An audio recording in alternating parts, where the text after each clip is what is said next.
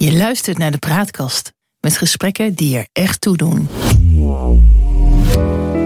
Welkom terug bij het derde deel van Nu is Later bij de Praatkast. We hebben Bastiaan Ragas op bezoek. En we hebben het net in het tweede gedeelte gehad over uh, uh, een boek waar hij al vier jaar mee bezig is. Uh, en de titel is. Jezus, waarom? Jezus, waarom? Ja.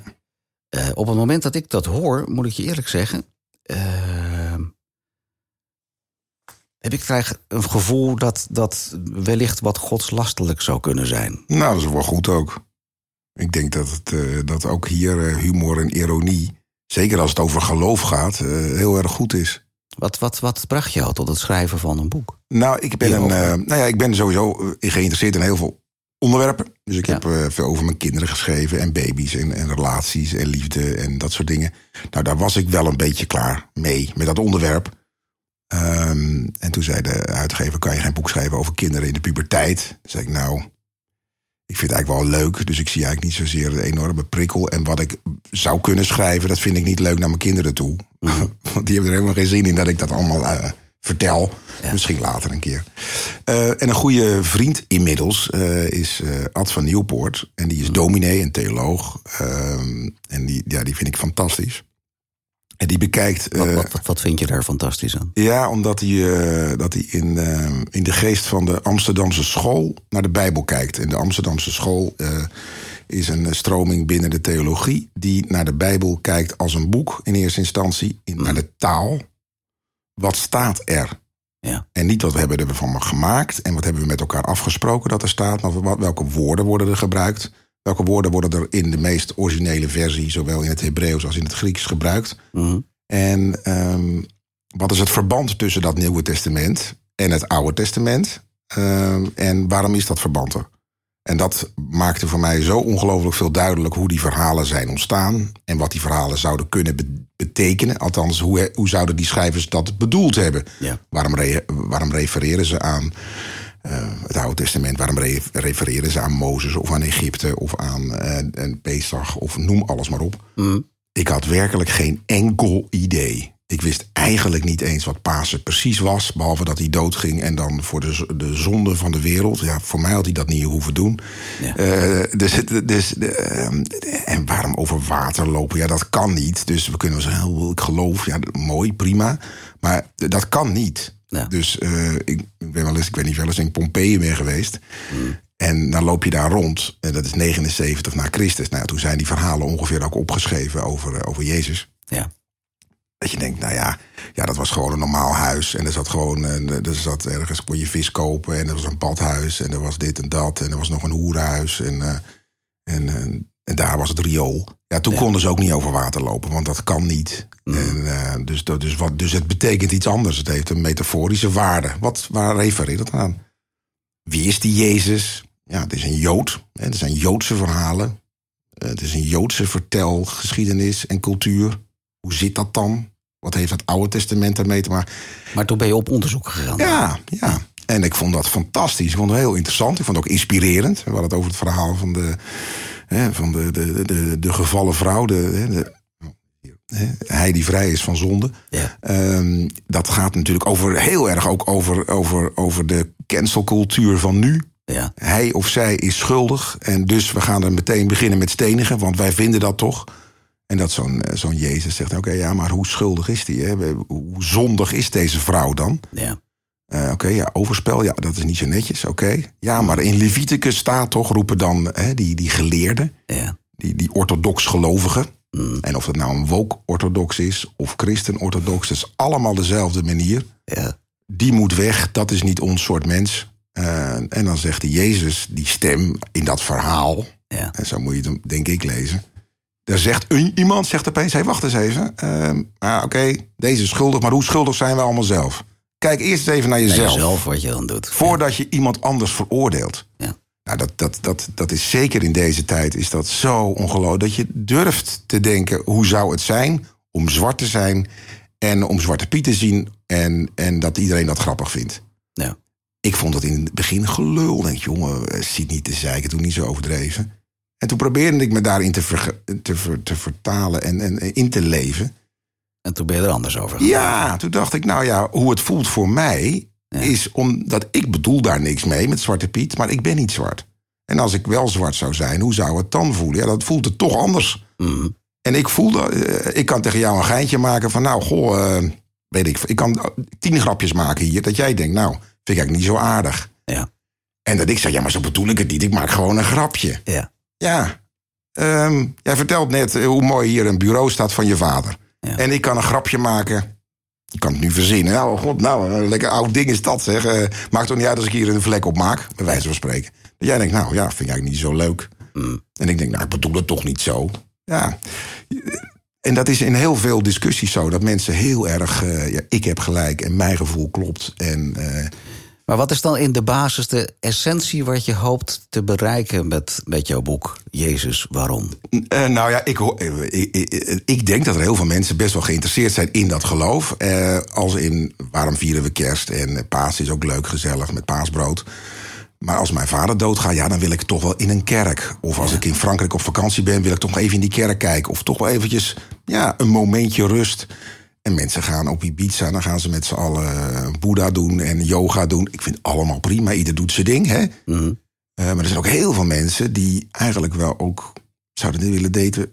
Ja, wat was dat in mijn jeugd wat ik misschien had, of juist helemaal niet had? Wat zit er precies achter? Wat staat er eigenlijk? Maar heb je het dan niet meer over, over beleving van spiritualiteit? En, en, en hoe dat in de loop der tijd vanuit hier in de westerse cultuur, vanuit het christendom, ja, zich weer een nieuwe weg aan het, aan het vormen is? Nou, die kerken lopen leeg. Dus dat, dat is. Hè, de, de Nou, in deze omgeving niet. Nee, waren de meeste kerken in de wereld. eh, is dat de kerken leeglopen in de westerse wereld. En dat ze omgebouwd worden tot appartementencomplexen. Dan heb je het met name over de katholieke kerken. Ja. Ja, en, en ik denk dat het, eh, dat het heel verstandig is om eh, eens in de zoveel tijd, ik denk zelfs eens in de week, een moment te hebben van rust. Bezinning. Ja, eens even, waar zijn, we, waar zijn we toe op aard? En dan mag je zelf bewijzen, bedenken wat dat dan is. Hè? Daar heb ik geen. Maar gewoon eens even. En niet bezig te zijn met consumeren, produceren en communiceren. Gewoon even niet. Gedachte vind ik mooi, maar is dat ook de gedachte die je met jouw boek hebt? Dat je eigenlijk zegt van, van eh, vanuit jouw status die je hebt, dat je mensen een beetje wil wakker schudden? nee, nee, dat, nee, dat dan ook weer niet. Nee, Wat is het dan wel? Het is dat ik het heel interessant vind en dat ik erachter kwam dat ik eigenlijk die verhalen niet begreep. Maar dat Ja. ik wel een soort cultu eh, cultureel christen ben. Dat ik me wel ja, verbonden daarmee voel. Maar Mooie kreet, cultureel kis. ja, ja, ja. Dat, dat, is niet van mij hoor. Maar dat is inderdaad, eh, dat is in, de, in de moslimcultuur is het ook zo. Er zijn heel veel mensen die zeggen, nou ja, ik voel me. Ja, ik, ik- weet je wel, ik heb geen hoofddoekje en ik ga niet bidden naar Allah. Maar ik voel me wel eh, cultureel moslim.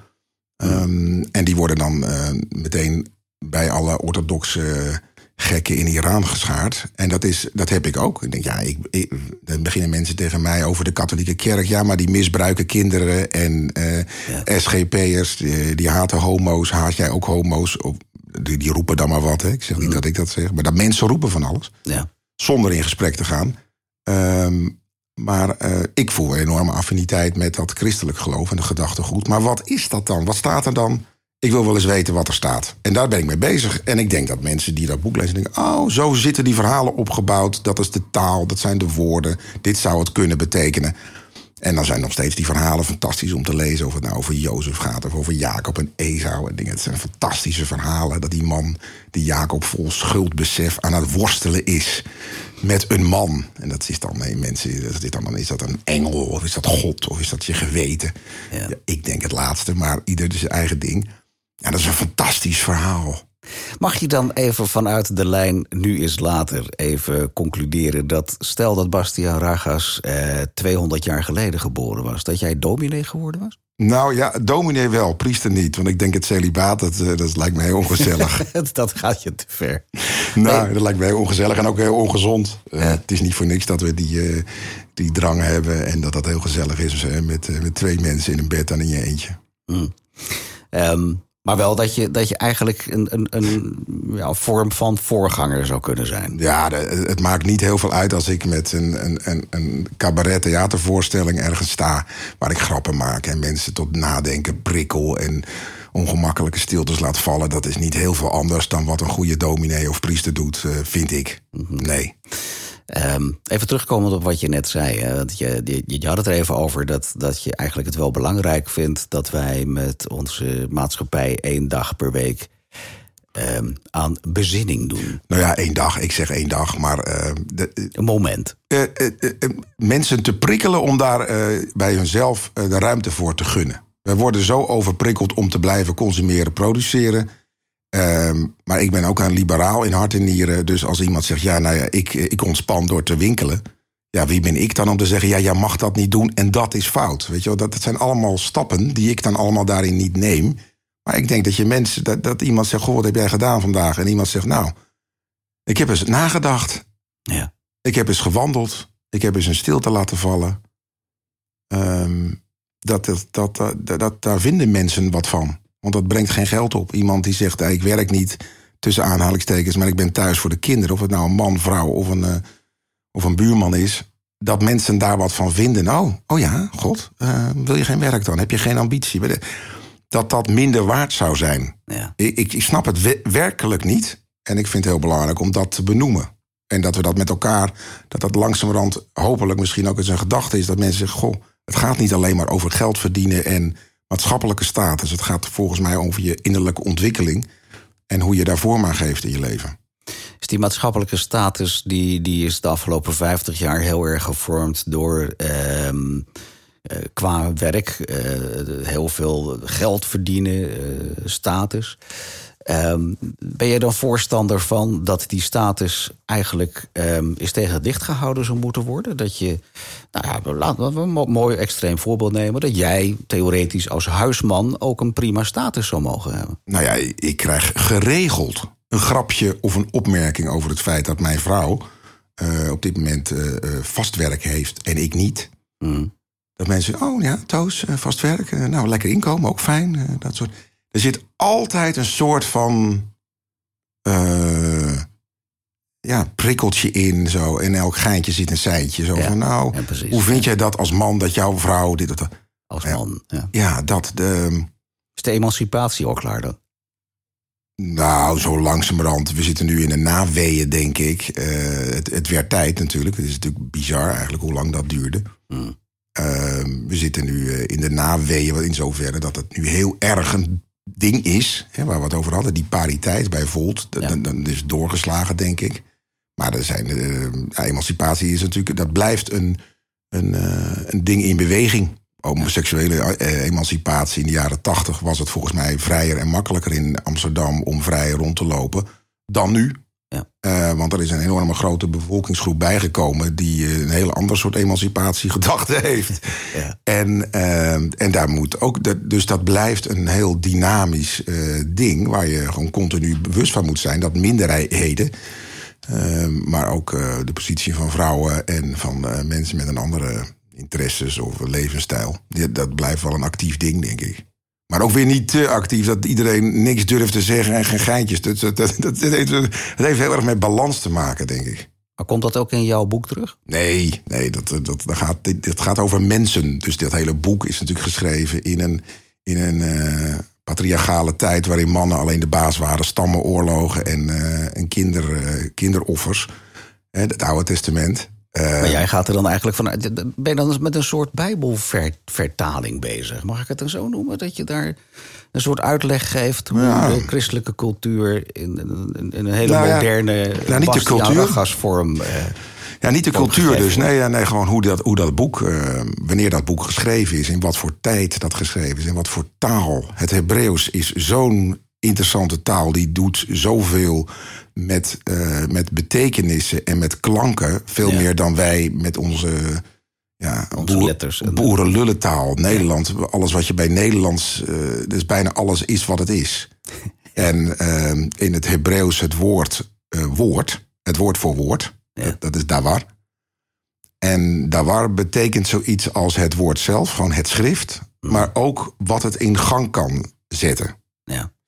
Dus op het moment dat ik tegen jou zou zeggen: Ik vind jou heel aantrekkelijk, Mm. dan gebeurt er iets. Jij wordt ongemakkelijk, ik moet erom lachen. Eh, en ik noem zoiets wat totaal in deze zitting totaal absurd is. Althans, wat mij betreft. maar ehm, dan gebeurt er iets. Dan zet je iets. eh, en dan is dat woord iets anders dan alleen maar. Oh, ehm, hij zegt iets. Hij zegt iets dat hij om iemand geeft. Ja. Op het moment dat ik eh, zeg, ik denk aan mijn overleden broer. Ik gedenk mijn overleden broer. Dan is dat meer dan van, nou, we branden een kaarsje en we denken even aan hem. Goh, hoe zou het met hem zijn daar in de hemel op een bankje, als je dat gelooft? Ja. Ehm, het is dat eh, gedenken, het woord gedenken in het Hebreeuws, wil zeggen dat je eh, op het moment dat je aan iemand denkt, dat je, dat je handelen ook bepaald wordt in het heden door de gedachte aan die persoon. Mm. Dus dan wordt er iets in gang gezet door iets te uit te spreken. Ja. En die gedachte, als je dat eh, leert begrijpen in, en ook implementeren in de tekst, dan gebeuren er in die verhalen heel veel dingen die er niet letterlijk staan, maar die wel met jou gebeuren als je die verhalen leest. Ja, dat vind ik fenomenaal. Wat staat er nou niet? Je legt het heel mooi uit, ja, wat je, wat je daarin hebt. Maar zou dat dan betekenen dat je dat. eh, want je hebt iets met de christelijke cultuur. Ehm, stel dat, dat Jezus Waarom, jouw boek, ehm, succesvol is. Zou je dat dan ook leuk vinden om dat bijvoorbeeld met andere geloofsovertuigingen te mogen doen? Nee, ik, nee, ik denk dat ik dan. Dat bedoel, ik ben nu. Die Bijbel heeft 66 boeken. En als ik heel eerlijk ben, ik, ik heb er denk 30 echt helemaal gelezen. Helemaal tot op de letter. En die andere 30, daar ben ik nog mee bezig. Dus nee, met de Bijbel ben je nog wel. Daar kan je een leven lang. eh, dat, is, dat is niet te geloven hoe gelaagd dat boek is. Dat maakt het ook zo ongelooflijk ingewikkeld boek natuurlijk. Eh, Snap ik. dus nee, dus niet per se. eh, ik geloof het niet, maar misschien wel. Weet ik niet. Denk, ik denk het niet, maar misschien wel. Als, als we jou ehm, ehm, als mens in een religieus hokje eh, zouden moeten stoppen, waar, waar, vind je zelf Ja, dat absoluut. je dan Christen. wel een christen? Ja, absoluut. Ja, maar, maar meer nog dan ik was. Omdat ik eh, die, die toon en die vertaling van die verhalen...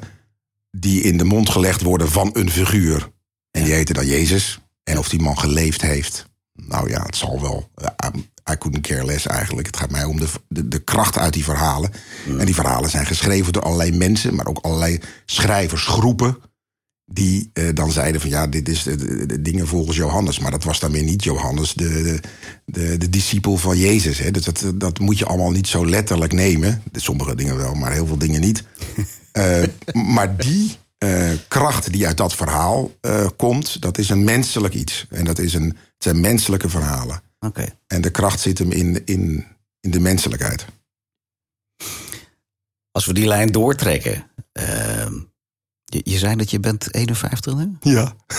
Je durft het niet te zeggen? Ja, ik vond het heel raar toen ik 50 werd. Vond ik heel raar. Ja. Ik weet niet of jij dat ook vindt. eh, dat je als je ouder wordt, je denkt, "Oeh, wat is dat raar.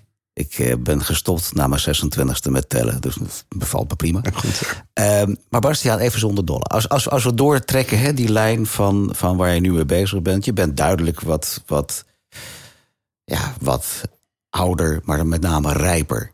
Eh, je bent aan het experimenteren, aan het, aan, het, aan het zoeken naar een weg hoe, hoe jouw toekomst eruit zou moeten zien. Ehm waar ben je over tien jaar? Dan, dan ben je bijna 61 bij leven en welzijn. Ja, nou, de Wat zou, je, wat zou je dan de afgelopen tien jaar hebben mogen doen, denk je? Ja, deze project allemaal wel. Ik hoop dat ik... eh, ik ga ook de, de theaters in met deze, met deze materie. Ja. In Gods naam heet dat. Dat gaat, eh, dat gaat het najaar het theater in. Wat ga je Ook. daarin doen dan? Ja, nou, dan ga ik verhalen vertellen. Hm. Dan ga ik, eh, waar we het ook wel nu over hebben, over zingeving hebben. En over die verhalen in die Bijbel. Ik ga sommige verhalen vertellen. Ik ga in gesprek met de zaal over die verhalen. Wat betekent dat verhaal voor jou? Zou het ook kunnen zijn Dus het wordt heel erg interactief. heel erg interactief? Vind ik heel leuk. Ja. Omdat die verhalen dat ook aankunnen. Hm. En dat is het wel, denk ik. Ik denk dat je moet oppassen, nogmaals, dat het geen religie wordt. Waar je, dat, dat je niet die, dat, Dat is verhaal. het toch? Ja, dat is het inderdaad eh, geworden met allerlei eh, regels. En dit moet je, en zo is het. En dan- dat vind ik heel interessant juist. Want dat is nou juist wat die Jezusfiguur continu doet. Die zegt continu tegen, tegen die orthodox gelovigen, hè, die fariseërs en die schriftgeleerden. Zegt, ja, oh, staat dat er? Goh, interessant. Je zou toch ook het zo kunnen lezen? Is het niet, hè, de, de Torah is er voor de mens en de mens niet voor de Torah. Dus de mens is er eh, niet om die wetten te dienen. Nee, die, dienen, die wetten zijn er om de mens te dienen. Ja. De menselijkheid eh, van de achterliggende gedachte, die is bepalend. En dat is heel interessant om dat in het theater te doen. Wat vind jij daarvan? Ja, maar dat vind ik wel heel grappig. We hadden het er straks over. Dat, dat nou, misschien als je 200 jaar geleden geboren zou zijn... dan zou je misschien wel dominee zijn. Ja? En nu ga je vertellen, ik ga theater in. En Ja. ik ga daar over de Bijbel praten. Jazeker. Eh, maar, het is, maar het is geen religie, Victor. Nee, het gaat, over, Hè? het, gaat, het gaat over het geloof. Het gaat over die, eh, over die eh, verhalen. Ja, maar dat is er toch een religie? Ja, religie is natuurlijk eh, dat het eh, geïnstitutionaliseerd is. Dus dat, is vast... jouw benaming daarvan. Dat is jouw Ja, uitleg. nee, dat is mijn uitleg. En, en op het moment dat het Nederlands hervormd katholiek ding, dan, is het, dan zitten er allemaal regels aan. Mm. Je mag niet dit, je mag niet dat, je mag niet zus, je mag niet zo. Want wij van de kerk vinden het. Jij moet het zo uitleggen, je moet het zo lezen, we moeten dat zingen. Dit is de volgorde van de, de kerkdienst of mis. Hè? Eh, dus eh, dat is hoe het bepaald is. Je mag als, als, als katholieke priester mag je niet trouwen. Je mag als vrouw mag je niet, geen hosties uitdelen. En gereformeerde mag je niet dit. Daar moet je zitten. eh, nou, daar krijg ik allemaal de, de jeuk en de kriebel van. En ik gun iedereen, als iemand dat fijn vindt, vind ik het allemaal. Ik heb daar geen moreel oordeel over. Eh fijn, ieder doet het op zijn eigen manier. Maar voor mij eh, werkt dat helemaal niet. Wat voor mensen denk je aan te trekken met zo'n show? Mensen zoals jij en ik, die denken, nou, dat vind ik wel eens interessant om te kijken. Want het, het gaat wel op de scherps van de snede. Het gaat echt over morele issues. Het gaat echt over verwarring en, en, en, en fantasie en verbeelding. Want daar gaan die verhalen over. Waar sta ik in? En dat je dan terug naar huis rijdt en denkt, hmm, zo, eh, waar ging het nou eigenlijk over? Ja, dat is toch... En dat je dan zo de laatste de weken daarna nog eens denkt... als er, is, als er weer eens ergens iets gebeurt... dat je denkt, ja, hoe zou ik daarin staan? Hoe, Ja. hoe, eh, de, de, de verloren zoon is zo'n briljant verhaal. Hè, over zo'n twee zoons die eh, krijgen allebei een erfenis. Die vader is weduwnaar. En een van die zoons die, die eist al zijn erfdeel op. En die verbrast alles in het buitenland. En die andere zoon die blijft thuis. En die blijft werken. En die is er voor zijn vader. En doet precies wat hem gezegd wordt. Maar die, ander, maar die vader, ja, die, die blijft toch altijd hopen op die zoon. Ja. Dat staat er niet. Nee, het staat dan. eh, hij ziet hem aan de horizon aankomen lopen. Want die zoon die is, ja, die heeft alles opgemaakt. En die ziet op een gegeven moment, die hoopt zelfs de, de, de kosten van de varkens te krijgen. Nou, al, al, al- als Jood weet je dat dat zo'n beetje het laagste is van het laagste, een varken. Dus die man die denkt, ja, mijn, de slaven of de werknemers van mijn vader hebben het beter dan ik hier. Dus hij gaat terug met hangende knietjes, hangende schouders. Oh god. En die vader zegt, daar ben je. We, slachten het mooiste kalf of schaap of bokje of whatever. En de mooiste kleding krijg je aan. En die zoon die gewerkt heeft. Die dat deel niet heeft opgeëist. Die er altijd was voor zijn vader. Heeft nooit een feest gekregen van zijn vader. Die heeft nooit dat kalfje gekregen. Die heeft nooit die kleding gekregen. En die staat bij die deur en die vader zegt... kom nou, je zoon of je broer is er, hij is er. Ja, maar pap, waar was je er voor mij? Dat is een fantastisch verhaal. En als jij die vader bent, dan snap je het. Je denkt, jeetje mina, dat is wel een hele ingewikkelde. Als jij die zoon was, die thuis was gebleven... en altijd alles gedaan heeft hoe het moest... dan snap je die ook. Maar als je die, die, die losbol was... Die, twij, die, die spijt heeft achteraf en zegt... pap, mag ik terugkomen? Ja, die snap je ook. Ja. En daar, dat, nou, dat, dat zijn Dat al vind die... jij fantastisch. Ja, dat, daar word ik helemaal eh, Ik zie het. heel enthousiast van. Word ik daarvan, ja. ja. Maar betekent dat dat dit eigenlijk nog maar een begin van een hele reeks is... hoe jij de Bijbel zou willen uitleggen? Het, zou, het zou me zomaar kunnen. Maar eh, zolang als ik het leuk vind. Zolang als ik het Ja, zolang als ik het interessant blijf vinden. En jezelf kennend, dan kan het best lang zijn... maar het kan ook weer over twee, drie jaar Ja, bij de, bij de politiek was ik heel snel genezen. Ja. ik ben benieuwd hoe het hier over een tijdje is, Bastiaan. Ja. Ehm, Bastiaan, als laatste. ehm, is er nog een vraag geweest die jij, waar jij op gehoopt hebt... die ik niet gesteld heb? Nee, ik was eigenlijk bezig. En ik, dan, dan, ga ik zo ratelen. Ik was eigenlijk ook een beetje bezig of het niet te veel was. Dat ik. Jij? Ja, zeven gangen in een half uur. Dat is een beetje. Eh, ja, nou ja, dat, dat- als het zo mag schijnen... dan krijgen we vanzelf reacties van luisteraars die zeggen... ik wil meer. En dan ga ik je bellen en dan ga ik zeggen van... goh, Bastiaan, eh, misschien wil je nog een tweede deel maken. Ja, of zij hebben mensen allemaal blauwe oren van al die verschillende associaties en verhalen. Dat zou ook kunnen. Dat maakt ook Bastiaan Ragas, toch? Ja, dat is wel een beetje wie ik ben, ja. Ja. Dankjewel dat je er was. Nou, ik vond het fijn om hier te zijn, dankjewel. Dag.